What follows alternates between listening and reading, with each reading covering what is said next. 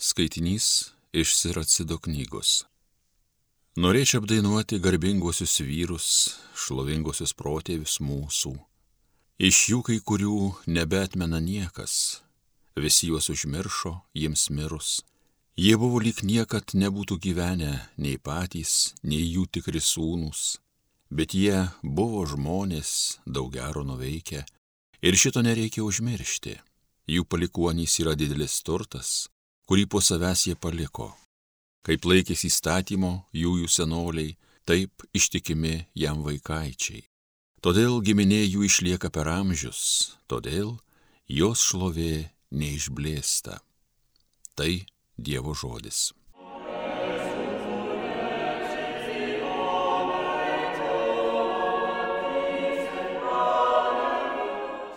Myli viešpat savo tautą Viešpačiui naują giesmę gėdokit, garbinkit jį susibūrę šventieji, savo kūrėjų Izraelį žavėkis, džiūgaukit Jeruzalės sūnus, turėdami tokį valdovą. Myli viešpats savo tautą. Šlovinkit viešpatį susibūrę ratelin, muškite būgnais, kankliuokit. Myli jisai savo tautą, pergalę puošia silpnuosius. Myli viešpats savo tautą džiaugsmas garbė jums šventieji, linksmybė jūsų buveiniai, valiuodami garbinkit Dievą, tai jums garbė bus Dievo šventieji. Myli viešpats savo tautą.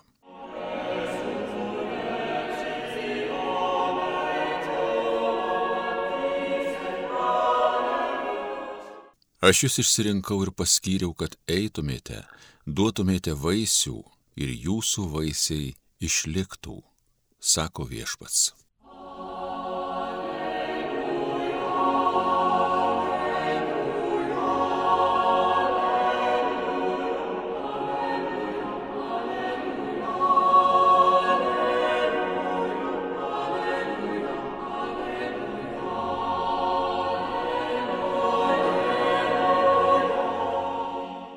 Iš Evangelijos pagal Morkų. Jėzus įžengė į Jeruzalę ir į šventyklą. Viską apžiūrėjęs, kadangi buvo jau vakaro valanda, jis su dvylika išėjo į Betaniją. Rytojus dieną jiems keliaujant iš Betanijos Jėzus buvo alkanas. Pamatęs iš tolo sulapojusi figmedį, jis priejo pažiūrėti, gal ką nors ant jo ras. Tačiau atėjęs prie medžių jis nerado nieko, tik tai lapus, nes buvo dar ne figų metas. Tuomet jis tarė medžiui tegul per amžius niekas nebevalgys tavo vaisiaus. Jo mokiniai tai girdėjo. Ir jie ateina į Jeruzalę. Įėjęs į šventyklą, Jėzus ėmė varyti laukan parduodančius ir perkančius šventykloje. Jis išvartė pinigų keitėjų stalus bei karvelių pardavėjų suolus ir neleido nešti rakandų per šventyklą.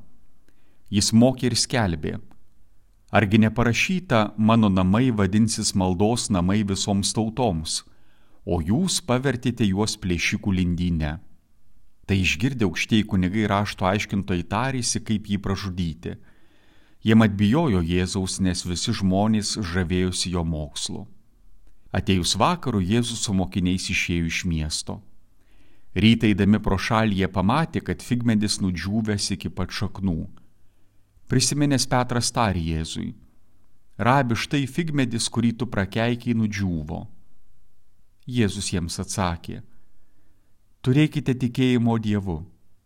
Iš tiesų sakau jums, kas pasakytų šitam kalnui pasikelk ir meskis į jūrą ir savo širdyje nesviruotų, bet tikėtų įvyksiant, ką sako, tai jam ir įvyktų. Todėl sakau jums, ko tik melzdamiesi prašote, Tikėkite gausią ir tikrai tai bus.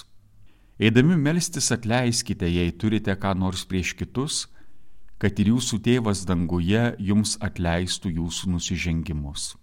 Tai viešpatie žodis.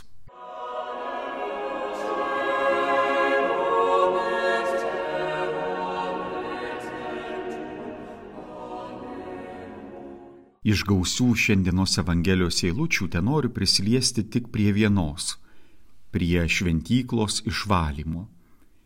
Senojo testamento laikų žydams šventykla buvo tapusi savotiška slėptuve, kur po maldų ir procesijų šydų buvo tikimas išvengti teisingumo. Tas pats reiškinys kartojosi ir Jėzaus laikai šventyklos institucijoje, tas pats reiškinys tebėra gyvas ir šiandienos bažnyčioje, kur priklausimas bažnyčios gyvenimui, dalyvavimas jos veikloje, tarsi garantuoja neliečiamumą. Tiek Senojo testamento, tiek Jėzaus, tiek ir mūsų laikais vis dėlto pavojingiausi Dievo bažnyčios priešai yra ne tie, kurie yra išorėje, bet tie, kurie yra viduje. Ironiška, bet garsiausiai ant kryžiaus jį šaukė kunigai, rašto aiškintojai, pamaldėjai pasauliečiai fariziejai ir tai dėja nėra tik istorinis įvykis. Jėzaus gyvenimo įvykiai yra nuolat sudabartinami. Pavojai neteina iš išorės. Didžiausi bažnyčios priešai tūno pačioje bažnyčioje. Išoriniai priešai, galima sakyti, dažniau jai daro paslaugą, o ne kenkia, nes skatina būdėti bažnyčią, vienyje bažnyčią, stiprina, be to ir Jėzus sakė, esant išoriniams priešams, pragaro vartai nenugalės ir ateis pagalba iš aukštybių. Todėl šiandien didžiausių priešų reikėtų ieškoti ne išorėje, bet viduje. Ir dėja, tarp didžiausių priešų galime atsidurti ir mes patys. Nes blogiausias būdas skaityti šventyklos apvalymo Evangelijos ištrauką tai užimti išorinio stebėtojo poziciją, atsistoti kur nors kampelyje, ant pakylos ir su pasitenkinimu stebėti, kaip Jėzus daro tvarką. Nagi žinoma, tokie reikalai visada susiję tik su kitais, o ne su mumis pačiais. Tik kitigi derasi su Dievu, o aš niekada gyvenime nesu dėrėjęsis su Dievu. Gi tik kiti eina į bažnyčią tam, kad pasijustų atlikę pareigą, o aš niekada nesu taip daręs, kad pradėčiau melstis ar eičiau į bažnyčią dėl pareigos ar dėl sąžinės nuraminimo. Gi tik kiti yra apvalytini, o aš esu Jėzaus bičiulis. Vis dėlto krikščionių bendruomenė ir bažnyčia, dar kartą sakau, netiek suteršia kažkokie išoriniai priešai, išoriniai įvykiai ar veiksmai, bet mes patys, vidiniai bažnyčios nariai. Ką atrodytų aš vienas galiu pakeisti? Na, bet ir Jėzus galėjo taip pat svarstyti. Jis atėjo su bizūnu, išvartė stalus, ar galvojam, kad kažkas pasikeitė? Žmonės turbūt pakraipė galvas, pagrumojo kumščiais, tačiau Jėzui išėjus iš šventyklos susidėliojo atgal savo prekes, savo pinigus, savo karvelius ir purplelius ir prekyba toliau tęsėsi. Rezultatas atrodo tikrai liūdnas. Ir vis dėlto mums ir nepriklauso matyti rezultato. Jis mums nepriklauso. Turėtume gyventi kaip tų nereikalingų tarnų įsitikinimu. Atlikome tai, ką turėjome atlikti.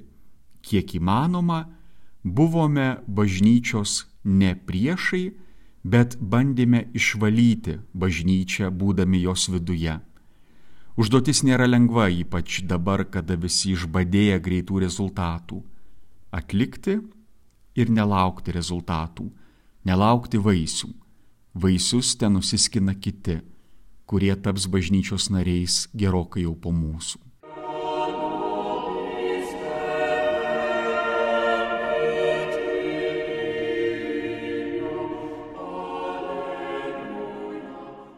Homilija sakė kunigas Mykolas Atnečenka.